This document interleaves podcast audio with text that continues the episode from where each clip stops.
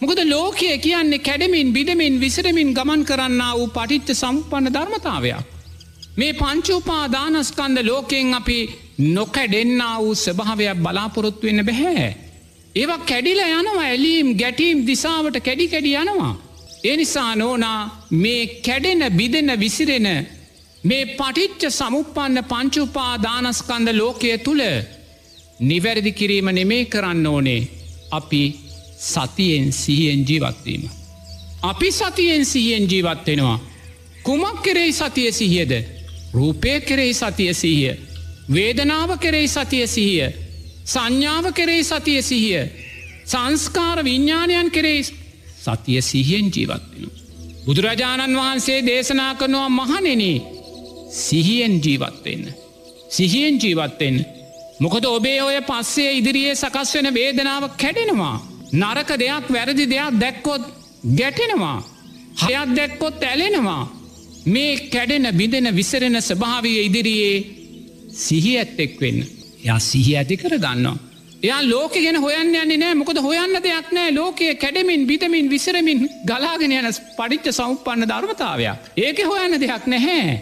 එයා නිරේතුරුවම කැඩෙන බිදෙන විසිරෙන ලෝකය ඉදිරියේ තමාගේ කැඩෙන බිදෙන විසිරෙන පංචු උපාදානස්කන්දය දිහැ සිහියෙන් දකිනවා.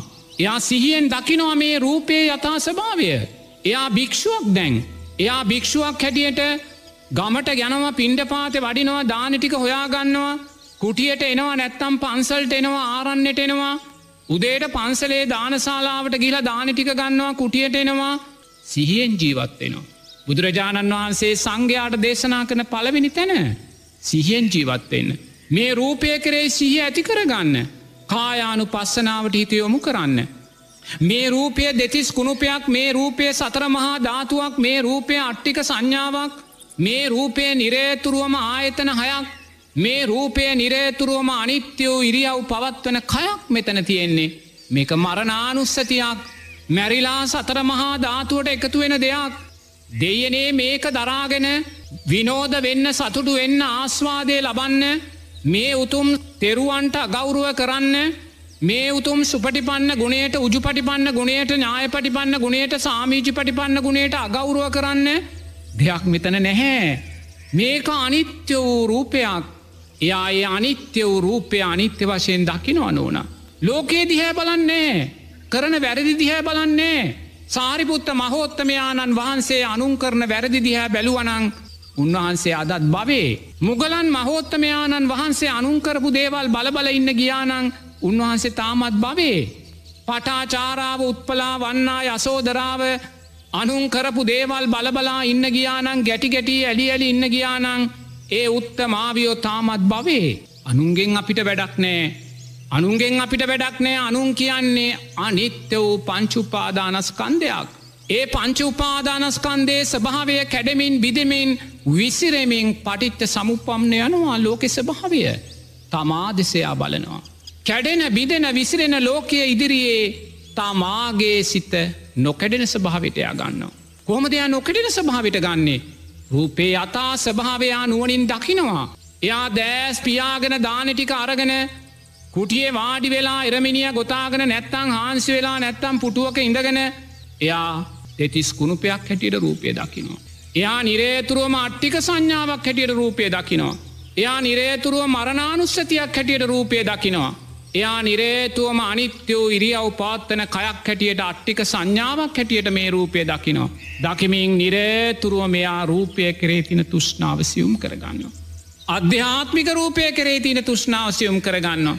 යා මේ වැරදි කරන ලෝකය දිහැ බලනවා බාහිර රූපයන් දිහැ. අනේ මේ වැරදි කරන සෑම රූපයක්ම දෙයනේ අට්ටික සංඥාවක්න මේක. මේක දෙතිස් කුණුපයක්නේ මේක සතරමහා ධාතුවක්නේ මේක මරණානුස්සතිය. මේක ඉරියව්වක්වත් අපිට අයිති නෑනේ. අපි රූපවාහිනියෙන් බලලා අපි මුහුණු පොතෙන් බලලා දෙයනේ මේ ඉරියව් හින්ද කොච්චර ගැටෙනවාද? මේ ඉරියව්වොල්ට කොච්චර බයිනවාද? අනේ මේ ස්වාමින් වහන්සේ තොප්පියත් දාගෙන ඉන්නවා සංගලාස් දෙකත් දාගෙන ඉන්නවා කියලා අනුන්ගේ අනිත්‍ය වෙන ඉරියව්කය දැකලා මොන අකුසල් ගිනුම් ශක්තිමත් කරගන්න ඇද කියලා බලන්නකෝ. අනුන්ගේ දුර්වල රහත්භාවයන් දැකල ඇතකල විකෘති රහත්භාවයන් දැකලා ඒවා අහලා අපේ අකුසල් ගිනුම් අපි කොච්චර ශක්තිමත් කරගන්න ඇද්ද එපා කැඩෙන බිදෙන විසිරෙන ලෝකයේ දිහැ බලන්න. ඔබේ ලෝකයේ දිහැ බලන්න. අන්‍යයා රූපය දිහැ බලනවා දෙයනේ මේක අනිත්‍ය වූ අධ්‍යාත්මික රූපයක් අනිත්‍ය වූ බාහිර රූපයන් මේවා මගේ කියලා ගන්න දෙයක් නෑ මම කියලා ගන්න දෙයක් නෑ මගේ ආත්මය කියලා ගන්න දෙයක් නෑ මේ ආත්මය තුළ මම ඉන්නවා කියලා ගන්න දෙයක් නෑ එයා අධ්‍යාත්මික රූපය කෙරේතින් තුෂ්නාව සියුම් කරනවා. එයා බාහිර රූපයන් කරේ තින තුෂ්නාව සියුම් කරනවා. ගැටීමක් නෑ. කවුරු මොනදේ කළත් එයා තුළ ඇලීමක් නෑ. නිරේතුරුවමයා ධර්මය උපේක්ෂාවෙන් රූපය දෙස බලනවා. ධර්මය උපේක්ෂාවෙන්. ඉළඟට එයා වේදනානු පස්සනාව තුළ ජීවත් වෙනවා.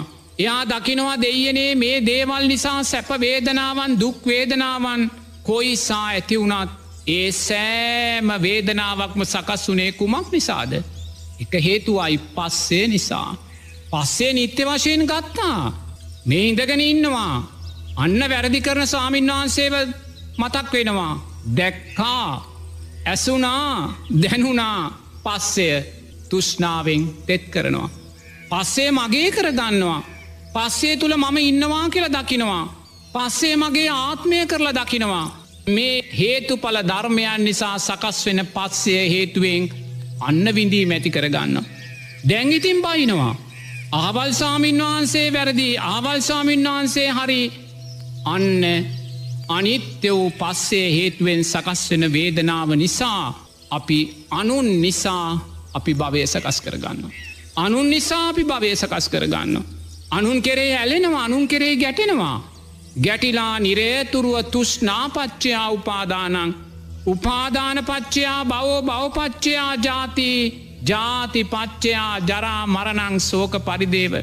අපි අනුන් ගැන බනින මොහොතක් පාසා. සිතුවිල්ලක් පාසා අපි ජාති ජරා ව්‍යාදි මරණ සකස් කරගන්නවා. අන්න පංචුපා දානස්කන්ද මාරයාගේ සැබෑස භාවය පිංහතුනි. අපි මාරයා මාරයා කියලාර වසවර්ති දිවපුත්‍රයා දිහැ බලං ඉන්නේ. අර මාරයා මාරයා කියලා වසවර්ත දිවපුත්‍රයාට ඇගිල්ල දික් කරලා පෙන්නෙනවා. මේ මාරයා අපිට බාධා කරනවා කියලා කියනවා.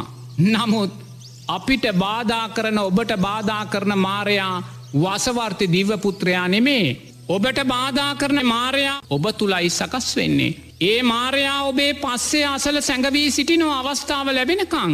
පස්සේ අතල සැඟවී සිටලා ඔබ ඒ පස්සේ තුෂ්නාවෙන් තෙත් කරන මොහොතේ ඔබ මාරයාගේ ග්‍රහණයට අහුවෙච්ච භික්ෂුවක් ගිහි කෙනෙක් බවට පත්වෙනවා. එනිසා මාරයා ඔබ තුළයි සකස් වෙන්නේ. ඒ මාරයා පස්සේ ළඟ නැවතිලා නිරේතුරුව ගොදුරු සොයමින් ඉන්නෝ පිංහතුනේ. එනිසා බුදුරජාණන් වහන්සේ දේශනා කරනොයා වේදනාවත් තුළ සතියෙන් ජීවත්වෙනවා සිහියෙන්. රූපය කරෙහි සිහියෙන් ජීවත් වනා. මේ සෑම සැපදු උපේක්ෂා විදීමක් මෙයා අනිත්‍යයි කියල දකිනවා. වැරදි කරන සාමීන් වහන්සේ තුළින් දුක්වේදනාවක් එනවා නිවැරදින්න ස්වාමීන් වහන්සේ තුළින් සැපවේදනාවක් එනවා ඒ දෙකටම යා එලෙන්නේ නෑ. එයා දන්නවා මේ දෙකම මට භවය සකස් කර දෙනවා කෙළයා දකිනවා. ජාති ජරාව්‍යාදි මරණ සකස් කර දෙනවා කෙළයා දකිනවා. එනිසායා නිරේතුරුවම සැපදුක් උපේක්ෂා වේදනාවන් ඉදිරියේ සිහ පවත්තගෙන යනවා. ඉළඟට යා නිරේතුරුවම චිත්තානු පස්සනාව තුළ ජීවත් වෙනවා මේ සකස් වෙන සෑම සිතුවිල්ලක්ම එයා දකිනවා අනිත්‍ය වූ ධර්මතාවයක් කියලා. උදේ ඉඳං කීදාහක් සිතුවිලි සකස් වෙන්න ඇද්දේ කිසිම සිතුවිල්ලක් අපිට අයිති නැහැ. පස්සේ හේතුවෙන් සකස් වනා වූ වේදනාව නිසාම අපි මේ සිතුලි පසු පස අභාගෙන යනවා. එනිසා යාගේ සිතට සිතුවිල්ලක්කාවොත් අහවල් ස්වාමීන් වහන්සේ මෙහෙම හැසරුණා කියලා ඒ සිතයා අනිත්‍ය වශයෙන් දකිනවා. අනිත්‍ය වශයෙන් දකිනවා. වැරදි කරන සාමීන් වහන්සේ තුළින් එයා සාරිපුත්ත මහෝත්තමයාණන් වහන්සේ දකිනවා. අන සුන්දර ධර්ම. වැරදි කරන සාමීන් වහන්සේ තුළින් සාරිපුත්ත මහෝත්තමයාණන් වහන්සේ දකිනවා. අන්න අර සහවල් ස්වාමීන් වහන්සේ මේ විදිිය මේ විදිිය දේවල් කරනවා ඒ සිතයා අනිත්‍යයි කියල දකිනවා. වැරදි කරන සාමීන් වහන්සේ තුළින් මුගලන් මහෝත්තමයාණන් වහන්සේ දකිනවා. අන්න අහවල් දසසිල් මෑනියෝ මේ විදිිය වැරදි කරනවා කියලා මේ විදිිය වැරදි ප්‍රකාශ කරනවා කියලා දකිනවා ඒ සිත අනිත්‍යයි කියලා දකිනවා. ඒ වැරදි කරන දසසිල් මෑනියන් තුළින් අන්න පටා චාරාව උත්පල වන්නාව දකිනවා. අන්න මොකක්ද චිත්තානු පස්සනාව. චිත්තානු පස්සනාව. බුදුරජාණන් වහන්සේ ඒකයි කියන්නේ සිහි ඇති කරගන්න. සිහි ඇති කරගන්න. ඉළඟට එයා දම්මානු පස්සනාව දකිනවා. දෙයනේ මේ සෑම පංච නීවරණ ධර්මයක්ම සප්ත බොජ්ජංග ධර්මයක්ම අනිත්‍ය වූ ධර්මතාවයක් කියලා දකිනවා. දේවදත්ත හාමුදුරුව පංච නීවරණයන් තුළ ඔද්දල් වෙලා බැසගෙන අවීචි මහා නිරයට ගියත් අනේ කවදාහරි දවසක පසේ බුදුරජාණන් වහන්සේ කෙනෙක් වෙනවා කියන මේ උතුම් සංස්කාරයන්ගේ අනිත්‍යභාවයා දකිනවා දම්මානු පස්සනාවෙන් දකිනවා. අහවල් වැරදි කරන සාමීන් වහන්සේ තුළ මේ ලියලන්නේ පංචනීවරණමයි. කාමච්චන්දයම්මයි ලියවන්න ඇසමයි පිනවන්න හදන්නේ කනමයි පිනවන්න හදන්නේ දිවමයි පිනවන්න හදන්නේ නාසේමයි පිනවන්න හදන්නේ. අනේ මේ කාමච්චන්ද ව්‍යාපාද තීනමිද්ද උද්දච්චකුක්කුච්ච විචිකිච්ඡාවන් අනිත්‍ය වූ ධර්මතාවයන් කෙළයා දකිනවා. ඔය කියන සාමීන් වහන්සේලා සංසාරයේ කවදාහරි උතුම් කල්්‍යාන මිත්‍රාශ්‍රයන් ලැබිලා රහත් පලයට පත්වෙන්න පුළුවන්. පත්වෙන්න පුළුවන්. එනිසා නිරේතුරුව මේ පංච නීවරණයන්ගේ අනිත්‍යභාවය දම්මානු පස්සනාවෙන් දකිනවා. මේ නිවැරදිව ඔබලා වර්ණා කරන සාමීන් වහන්සේලා ඉන්නවා. අහවල් සාමීන් වහන්සේ හරිම සිල්වත් හරිම ගුණවත් හරිම අල්පේච්චයි ඒ සෑම මොහොතකම ඔබ තුළ වැඩෙන්න්න වූ උතුම් ප්‍රීති පස්සද්ධයක් තියෙනවා ධර්මය ප්‍රීතිය පස්සද්ධිය සල් ලෞකික සද්ද බොජ්ජංගයන්. අනේ මේ සෑම ධර්මතාවයක්ම අනිත්‍යයි කෙළයා දකිනවා. මේ අනිත්‍ය වූ සංස්කාරයන් අපි රැස් කරගන්න කියල දකිනවා. අනුන්ගේ හරිහෝ අනුන්ගේ වැරදි නිසා අපි ජාති ජරා ව්‍යාධි මරණ රැස් කරගන්නේ නෑ. අන නිරේතුරුවම සිහියෙන් ජීවත්වන භික්ෂුවක් බවට පත් වනා. වැරදි කරන ලෝකය තුළ වැරැද්ද කරායන ලෝකය තුළ පංච නීවරණයන්ගෙන් ගහන වූ ලෝකය තුළ අන්නේ පුද්ගලයා සිහියෙන් ජීවත්වන කෙනෙක් බවට පත් වනා. සිහියෙන් ජීවත්වන කෙනෙක් බවට පත් වනා. වැරැද්ද තුළින් තමා නිවැරදි කෙනෙක් බවට පත් වනා. වැරදි කරන භික්ෂුව තුළින් තමා උතුම් මහා සංගරත්නයකින අර්ථය ශක්තිමත් කරගන්න කෙනෙතුනා. අන සිහියෙන් ජීවත්වන කෙනෙක් බවට පත්වෙනවා ඒ භික්ෂුව ඒ ගිහි පින්වතා. එයාට ලෝක මොනවුනත් ප්‍රශ්නයන්න හැ දැම් මං මෙතන වාඩි වෙලා ඉන්නවා. ඔබල එන්නේ ඉස්සෙල්ලත් මං මෙතන වාඩලා හිටිය මට ලෝකය ගැන කිසිම ප්‍රශ්නයක් නැහැ. ඇයි මම සිහියෙන් ජීවත්වෙන භික්ෂුවක්. මම සිහියෙන් ජීවත්වවෙන්නේ. මං පුද්ගලයෙක් දිහැ බලන්නේ මමය මගේ කියන සංඥාවෙන් නෙමේ. ඒ ජීවිතය කායානු පස්සනාව තුළ ම විසුරෝ දකිනවා. ඒ භික්ෂුව නිසා සකස් වෙන්න වූ සිතුවිල්ල වේදනානු පස්සනාව තුළ මං විසිරෝ දකිනවා. ඒ භික්ෂුව තුළ සකස් වෙන්න වූ සිතුවිල්ල මම චිත්තානු පස්සනාව තුළ විසුරව දකිනවා. ඒ භික්ෂුව තුළ තියෙන්න්න වූ පංච නීවරණයම් සප්ත බොජ්ජංගයන් මන් දම්මානු පස්සනාව තුළ විසිරල මං ඔබට ආරාධනා කරනවා. අන්න ගිහි ජීවිතය තුළ පුතේ ඔබ සිත පැවිදි කර ගත්තා වූ කෙනෙක් බවට පත්වෙච්ච කෙනෙක්. ඔබට පුළුවන්නම් ගිහි ජීවිතේ දැන් ඔබ කලබල වෙනවනම් පැවිදිභාවයට පත්වවෙන්න. ඔබ ආස්වාදය තුළ පැවිද්දට යන්න උත්සාහ ගන්නවනං මොහොතක් නතර කරලා ඔබේ ගිහි ජීවිතය සිහි ඇති ජීවිතයක් බවට පත් කරගන්න. සිහි ඇති ජීවිතයක් බවට පත් කරගන්න. මේ පංචුපා දානස්කන්ද ලෝකයේ අධ්‍යාත්මික ලෝකයේ බාහිර ලෝකයේ දිහැ බලලා මේ සතර සටිපට්ටානයන්ට අදාළව හිත පිහිටලා ඔබ මුලින්ම හිත පැවිදි කරගන්න. හිත පැවිදි කරගන්න. ඉළඟට බුදුරජාණන් වහන්සේ දේශනා කරනවා දෙවනුව ඔබ දැනුම ඇත්තෙක් වෙන්න කියලා. මුලින් කියනවා සිහි ඇත්තෙක් වෙන්න කියලා මහා සංගරත්නයට දෙවනුව කියනවා දැනුම ඇත්තෙක් වෙන්න. මොකද දැනුම ඇත්තෙක් වෙන්න කියන්නේ. ඒගැන සාමාන්‍ය පෙළ කරලා උසස් පෙළ කරලා විශ්වවිද්‍යාල උපාදිය කරලා එතන නෙමේ බුදුරජන් වහන්සේ දැනුම ඇත්තෙක් වෙන්න කියන්නේ. බුදුරජාණන් වහන්සේගේ සූත්‍රගත ධර්මේදී. නමුත් අද විග්‍රහ කළොත් නම් එතනින් තමයි විග්‍රහ වෙන්නේ. නමුත් සංඝයාගේ සුපටි පන්න ගුණයක් තියනවා. බුදුරජාණන් වහන්සේ දැනුම ඇත්තෙක් වෙන්න කියන්න මොකක්ද. බුදුරජාණන් වහන්සේ දේශනා කරනවා සෑම විටම දැනුමෙන් හැමදේම කරන්න. අතපය එහා මෙහා කරනකොට ඇවිදිනකොට වාඩි වෙනකොට නිදාගන්නකොට හිටගෙන ඉන්නකොට දානෙ ගන්නකොට ආහාර ගන්නකොට සිවුරු පොරෝණකොට ඇඳුම් අඳනකොට අතුපතු ගානකොට නානකොට වැසිකිලි කැසිකිලි කරනකොට නිරේතුරුවම දැනුමෙන් කරන්න. ඒ පිළිබඳ සිහිකරමින් කරන්න. ඒ පිළිබඳ නුවනින් දකිමින් කරන්න.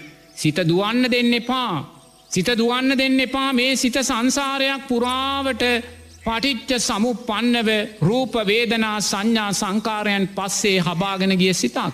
එනිසා ඔබෝයේ සිත එක තැනකට ගන්න.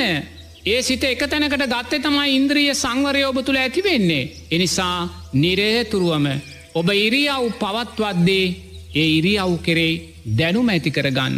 ඒ ඉරියව් කරේ සීය හොඳින් පවත්වාගෙන යන්න. ඔබ කෑමක් කන වෙලාවට බාහිර දේවල් ගැන හිතහිතා ඒදේ කරන්න එපා. ඔබ ඉඳගෙන ඉන්න වෙලාවට බාහිර දේවල් ගැන හිතහිතා ඉන්න එපා. ඉඳගෙන ඉන්නවා කියෙන සංඥාව තුළ ඉන්න. පස්සයට කවදාක්වත් තුෂ්නාවෙන් අසාධාරණයක් කරන්න දෙන්න එපා. නිරේතුරුවම දැනුමෙන් ජීවත්වෙන්න කියලා බුදුරජාණන් වහන්සේ දේශනා කරනවා. දැන්යා සතියෙන් සිහියෙන් ජීවත් වනා සිහිය ඇති කරගත්තා සතර සටිපට්ටාන ධර්මයන්ට අදාළව ඒ සතර සටිපට්ටාන ධර්මයන්ගේ වැඩීම උදෙසා ශක්තිය උදෙසා යා නිරේතුරුවම අනිත්‍ය වූ ඉරියව් පවත්වන කය කෙරෙයි හොදින් සිහිය පීටවා ගන්න. දැනුම ඇති කරගන්න. එයාගේ හිතයා දුවන්න දෙන්නේ නැහැ. තමා වර්තමානය තුළ ස්ථානගත වෙලා තියෙන ඉරියව්ව කෙරෙයියා දැනුමෙන් නිරේතුරුවමයා තව තව තමන්ගේ සතර සටිපට්ටානය සියුම් කරගන්න ඕනුන. තව තව ශක්තිමත් කරගන්න. එහෙම ශක්තිමත් කරන ගන්න කෙනා නිරේතුරුවම පස්සේ ඉදිරියේ සිහිනුවන ශක්තිමත් කරගත්ත කෙනෙක්. දැක්කා ඇසුනා දැනුනා කියෙන තැනෙන්ගහා එහාට යන්න දෙන්නේ නැහැ. අර සිප්පනී කියෙන මැහුම් කාරියට තුෂ්නාවේ මැහුම් කාරයට ඉඩ දෙන කෙනෙක් බවටයා පත්වෙන්නේ නැහැ. මොකද අපි පස්සේ තුෂ්නාවෙන් තෙත් කරන මොහොතේම. අර සිප්පනී කියන මැහුම් කාරිය තුෂ්නාවේ මැහුම්කාරිය සූදානම්වයි ඉන්නේ ඔබ භවයට අල්ලල ජාති ජරා ව්‍යාදි මරණ තුළින් බැඳ දමන්න පිංහතුනි. සෑම සිතුවිල්ලක් පාසාම සෑම පස්සයක් පාසාම සිප්පනී කියෙන මැහුම්කාරිය අධිවේගී මැෂිමක් අතේ තියාගෙන සූදානම්වා ඉන්නේ. එනිසා ඔබ දැන් සිහියෙන් ඇතිව දැනුම ඇතුව ජීවත්වෙද්දී පස්සේ කෙරේ යොබ අවධානයෙන් ඉන්නේ. දැක්කා අනිත්‍යයි කියලා හිතනවා. ඇසුනා ඇසන දේ අනිත්‍යයි කියලා හිතනවා. දැනුනා දැන්න දේ අනිත්‍යයි කියලා හිතනවා. පස්සේ තුෂ්නාවෙන් තෙත් කරන්නේ නෑ. ඒ නිසාම එයා තුළ ඇලීම් ගැටීම් උපේක්ෂාවන් සකස් වෙන්න නැහැ. එයා නිරේතුරුවම සකස් සුනත් විඳීම් මේ විඳීම්මොල අනිත්‍ය භාවය දකිමින් ජීවත්වෙනවා. එයා විදීම්වලට බැඳෙන්නේ නැහැ. මේ සැපදුක් විඳීම් නිසාමයි මේ සියලු විනාසයන්. සැප සොයාගෙන යනවා. සැප වේදනාවන් සැප රූපයන් සැප සංඥාවන් සැප අඳුනා ගැනීම් සැප සංස්කාරයන් සැප දැනීම් මේ සැප දුක් විනාසය අපිට බලවත් වූ අනතුරක් කරනවා. එනිසා ඒ අනතුරට අරං යන්නේ නෑ පස්සේ ළඟදිම සතිය සිහියෙන් එයා නවත්තනවා සිප්පනීට අවස්ථාව දෙන්නේ නැහැ. වේදනාවට යන්නේ නෑ විඳීමට යන්නේ නෑ. එනිසා බුදුරජාණන් වහන්සේ දේශනා කරනවා. එයා නිරේතුරුවම දැක්කා ඇසුනා දැනුනා කියන තැන ජීවත්වෙන්න සමත් කෙනෙක්කයා. යා වේදනානු පස්සනාවට බැඳෙන්නේ නෑ ඇලෙන්නේ නෑ ඒ තුළ බැසගන්නේ නෑ. එයා නිරේතුරුවම දෑස් දෙක පියාගෙන දකින්න කියනවා. මේ සකස් කරගත්තා වූ සෑම සැපදු උපේක්ෂා විඳීමක තියෙන්න්න වූ අනිත්‍ය භාවය. අතීත වේදනාස්කන්දේ අනිත්‍ය භාවය වර්තමාන වේදනාස්කන්දේ අනිත්‍ය භාවය අනාගතයේ අපි ප්‍රාත්ථනා කරන්න වූ විඳීම්මොල අනිත්‍ය භාවයන් එයා නුවනින් දකිනවා. එයා නුවනින් දකිනවා. එයා දකිමින් එයා නිරේතුරුවම හිතනවා බුදුරජාණන් වහන්සේ දේශනා කරනවා මොනසා දරුණු වේදනාවක් කාවත් ඒ වේදනාව පස්සය හේතුවෙන් සකස් වුනා වූ හේතුඵල ධර්මයක් කෙළයා දකිනවා. ඒ වේදනාවටයා බැඳෙන්නේ නෑ ඒ වේදනාව මගේ කරගන්නේ නෑ ඒ වේදනාව තුළ මම ඉන්නවා කියලා දකින්නෑ කියනවා. බුදුරජාණන් වහන්සේ දේශනා කරනවා. එයා මරණීය වේදනාවට හිතයොමු කරනවා කියනවා. මරණීය වේදනාවට හිතයොමු කරනවා. දැම්මම් පහුගේ දවසක පින්ඩ පාතර ගෙදරකට වඩිද්දී ඒ ගෙදර මහත්මයා දැඩිවිටියට රෝගාතුර වෙලා හිටියේ ටිකේ. එයා රෝගාතුර වෙලා ඒ රෝගය වැඩි වෙලා ඒ අම්මා මට කියනවා මේ තාත්තා පැදුරක නිදි කරලා හිටියේ ඒ වේදනාව වැඩිකමටේ පැදුර කෑලි කෑඩිවලට ඉරලා කියලා. එච්චට වේදනාව වැඩි. වේදනාව හේතුඵල ධර්මයක් වේදනාව කියන පස්සේ නිසා සකස් වුනා වූ ධර්මතාවයක් මේ පස්සේ අනිත්‍යයි කියල දකින්නේ පින්වත් තාත්තාට ශක්තිය ධර්මානුකුල ශක්තිය තිබුණේ නැහැ. වේදනාවට බැඳුනා. මේ වේදනාව මගේ මේ වේදනාව තුළ මම ඉන්නවා මේ වේදනාව මගේ ආත්මයයි කියලා වේදනාව තුළින් නැවත නැවත ගැටෙන දිසාවට මෙයා පත් වුණා. ප්‍රජාණන් වහන්සේ දේශනා කරනවා එයා සතර සටිපට්ටාන ධර්මයන් කරේ සිහිය පිහිටව ගත්නා එයා නිරේතුරුව මේ ඉරියව් කරේ සිහිය පිහිටව ගත්නා එයා නිරේතුරුව වේදනාවේ අනිත්‍යභාවය දැක්කා දැකලායා දෑස් දෙක පියාගෙන දකිනවා. දෙයනේ මං අනාගතයේ මට මෙවැනි මරණයක් සිද්ධ වෙන්න පුළුවන්. මම මහපාරක වාහනයක හැප්පිලා පණ ගැහි ගැහි ගැහි ගැහි මාව මැරෙන්න්න පුළුවන්. මම මහපාරගෙදි කවුරුහරි මට ගහලා කපලා කොටල වෙඩි තියලා අනේ මාව මැරෙන්න්න පුළුවන්. මම බෝම්බෙකට අව්වෙලා කෑලි කුඩු වෙලා මැරෙන්න්න පුළුවන්. මට කවුරුහරි බෙල්ල මිරිකගන ඉඳලා අනේ මම මරණීය වේදනාවට පත්වෙලා මැරෙන්න්න පුළුවන්. ඒ සෑම වේදනාවක මෙයා අනිත්‍ය භාවය දකිනවා. මරණීය වේදනාවත් අනිත්‍ය භාවය දකිනවා. අනේ කෙනෙක් මගේ බෙල්ල මිරිකරගන මිරිකගන මිරිකගන පැය ගානක් ඉඳලා ඒ සකස් වෙන සෑම විඳීමකම තියෙන අනිත්‍ය භාවයා දකිනවා මේ වේදනාව මට අයිති දෙයක් නෙමේ. මේ වේදනාව තුළ මම නෑ මම කියල කෙනෙක් නෑ මේක පස්සේ හේතුවෙන් සකස් වෙන්න වූ දැනීමක් පමණක්මයි. එයා ඒ වේදනාවේ අනිත්‍ය භාවය දකිනවා. එයා ඒ වේදනාවේ අනිත්‍යභාවය දකිද්දී එයා මරණීය වේදනාවටවත් ඇලීම් ගැටීම් උපේක්ෂාවන් නැතිකර ගන්නේ නෑ. ඒ ඇති නොකරගන්නා වූ තැන බුදුරජාණන් වහන්සේ දේශනා කරනවා තමන් අපොත්වෙන වෙලාවේ තමන් මිය යන වෙලාවේ තමා තුළින්ම වේදනාවෝ නිරුද්ධ වෙලා යනවා නිවී යනවා කියලා බුදුරජාණන් වහන්සේ දේශනා කරනවා. එසා බුදුරජාණන් වහන්සේ අපේ උතුම් පැවිදි ජීවිත ස්ථානගත කල්ලා තියෙන්නේ නෝනා මෙවැනි සුන්දර මාර්ගයක් ඔස්සේ මෙවැනි සුන්දර මාර්ගයක් ඔස්සේ එනිසා අපි බුදුරජාණන් වහන්සේ පිරිනිවන් පාලා අවුරදු දෙදා සයිසීයක් ගිය තැන මේ ධර්මය කතා කරද්දී අපිට මේ සුන්දර අවස්ථාවන් සියල්ල ජීවිතයට එකතු කරගන්න බැරිවෙන්න පුළුවන්. නමුත් අපි තුළ විශ්වාසයක් තියෙන් ඕනේ බුදුරජාණන් වහන්සේ අපෙන් බලාපොරොත්තුනේ මෙවැනි සුන්දර භික්‍ෂූත්වයක් කියලා. ඒ විශ්වාසය අපිට තියෙන්න්න ඕනේ ලෝතුරා බුදුරජාණන් වහන්සේ සාරා සංක කල්ප ලක්ෂ ගානක් ඔබ වෙනුවෙන් මම වෙනුවෙන් මහා සාගරයේ ජලයට වඩා රුදිරය දන්දුන්නා. මහා පොළවේ පස්වලට වඩා ශරීරමාංස දන්දුන්නා. තමන්ට කියලා ලැබුණ මොන සම්පතත්ද දේපලද්ද වස්තුවත්ද දුවෙද්ද පුතෙද්ද බිරිඳක්ද රජ කෙනෙත් විසවද්ද සියල්ලම දන්දුන්නා. හය අවුරුද්දත් දුෂ්කරක්‍රියා කළා මේ ලෝකයේ කිසිම දෙවියෙකුට බ්‍රහ්මයකුට මනුස්සේකුට විඳින්න බැරි අප්‍රමාණ දුක්කන්දරාවක් වින්දා. ඒ වගේ මර උත්තරීතර මහා රජකම් සක්විති රජකම් අර මහා පායවල් නිවාස තුනක් ක්‍රම්ය සුභ මාරිගාවන් මේ සියල්ල දන්දුන්නා. මේසා මහා කැපවීමක් ඔබත් මමත් වෙනුවෙන් ලෝතුරා බුදුරජාණන් වහන්සේත් කරලා තියෙනවා. එනිසා ඒ උත්තරීතර කැපවීමට අපි අගෞරව කොළොත් එහි විපාකයන්නම් අපිට කල්ප ගානකින් ගෙවල අවසං කරන්න බැහැ. එනිසා අපි භික්ෂුවක් වෙන්න පුළුවන් අපි සෑම භික්‍ෂූන් වහන්සේලා හැටියට පැවිදි වෙන්න බලාපොරොත්තු වෙන පින්වතුල්ලා හැටියට දවසකට එක විනාඩියක්වත් යොමු කරන්න. දෙයනේ මේ උතුම් චීවරය මට දරාගන්න. දෙයනේ මේ උතුම් සංග සමාජයේ සාමාජිකත්වය ලබන්න. දෙයනේ මේ ගිහි ජනතාවගෙන් වැදුම් පිදුම් ලබන්න.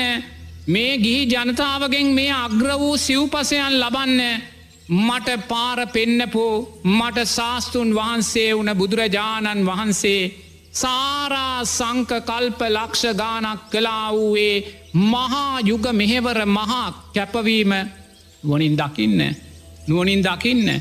අපි සෑම නිමේශයකද මේ උතුම් ධර්මතාවයන් නුවනින් දකිනවා. දෙයනේ මෙවන් මහා කැපවීමක් කරපු ඒ උත්තරීතර ශාස්තුන් වහන්සේ වෙනුවෙන් මගේ භික්‍ෂු ජීවිතේ මන් දැනුවත්ව එක සිල්පදයක් බිඳින්න හැ. ඒ බින්දත් බුදුරජාණන් වහන්සේට අගෞරුවක් මයි. අගෞරුවක් මයි. බුදුරජාණන් වහන්සේට නයකාරයෙක් වුණොත් අර මහා කරුණාවෙන් පිරුණා වූ ලෝතුරා බුදුරජාණන් වහන්සේට එක සිල්පදයක් බිඳගෙන අපි නයකාරයෙක් වුණොත් දැනුවත්ව කවදාක්වත් ඒ අයෙන් නිදහස් වෙන්න නං ලේසියෙන් හම්බුවෙන්නේ නෑ.